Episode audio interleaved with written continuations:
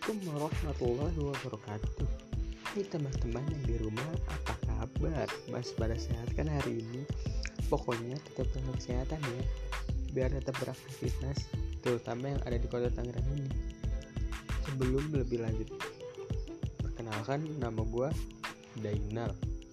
Gue kuliah di Universitas Budi Luhur Yang di Jakarta. Gue kuliah mengambil jurusan ilmu komunikasi dan gue memfokuskan ke broadcasting.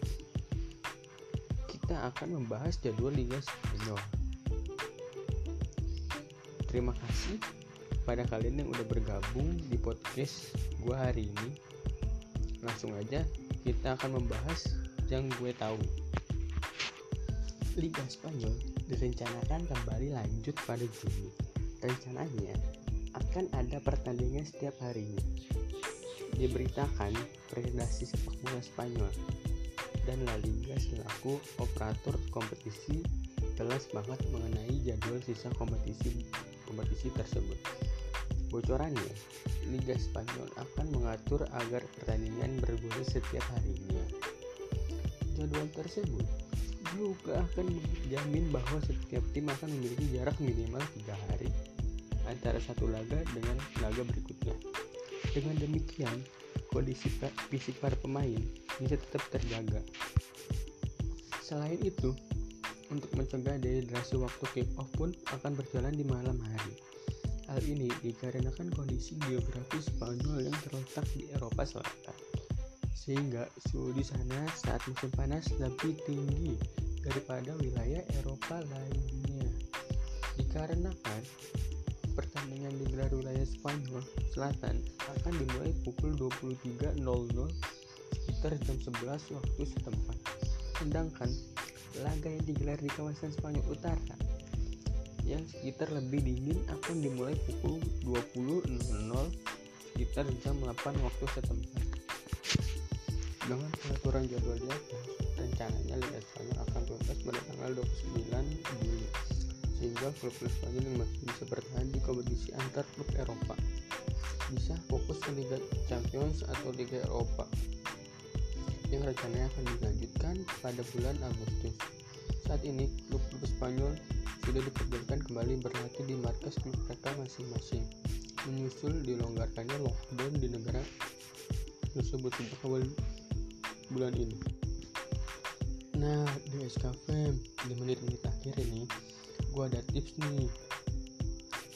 Buat anak-anak muda yang bingung mau latihan seperti apa supaya jago bermain sepak bolanya.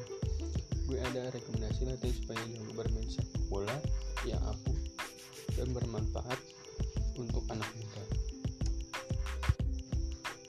Caranya di pagi hari anak muda harus jogging minimal satu jam. Minimal mulai di pagi hari jam 5 sudah sholat subuh sampai selesai. Dan dilanjutkan bermain skipping minimal 200 sampai 500 skipping. Karena manfaat skipping itu untuk memperkuat kaki melincahkan kaki supaya kaki tidak loyo. Dan lanjut habis bermain skipping kita latihan zigzag latihan zigzag lari berpindah tempat. Manfaatnya zigzag untuk memperlincah gerakan tubuh supaya tidak kaku. Nah selanjutnya kita latihan otot tangan. Latihannya itu kita push up setiap hari minimal 50 sampai 100 kali. Kenapa kita latihan otot tangan? Udah kaki. Kan bermain sepak menggunakan kaki.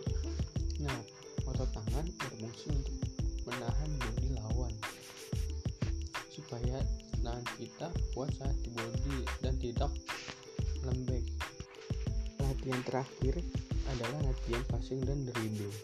Teknik dasar kalau mencoba bermain bola harus bisa passing. Karena kalau tidak bisa passing anda tidak bisa mengoper bola dari satu pemain ke pemain lainnya.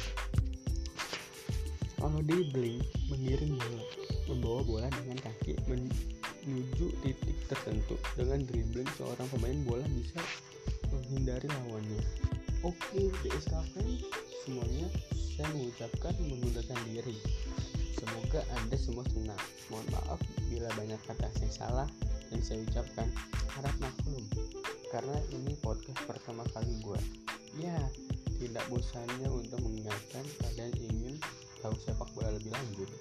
Silahkan follow instagram gue Dainal Eskana ya buat tutup podcast ini. Semoga di lain hari kita ketemu. Wassalamualaikum warahmatullahi wabarakatuh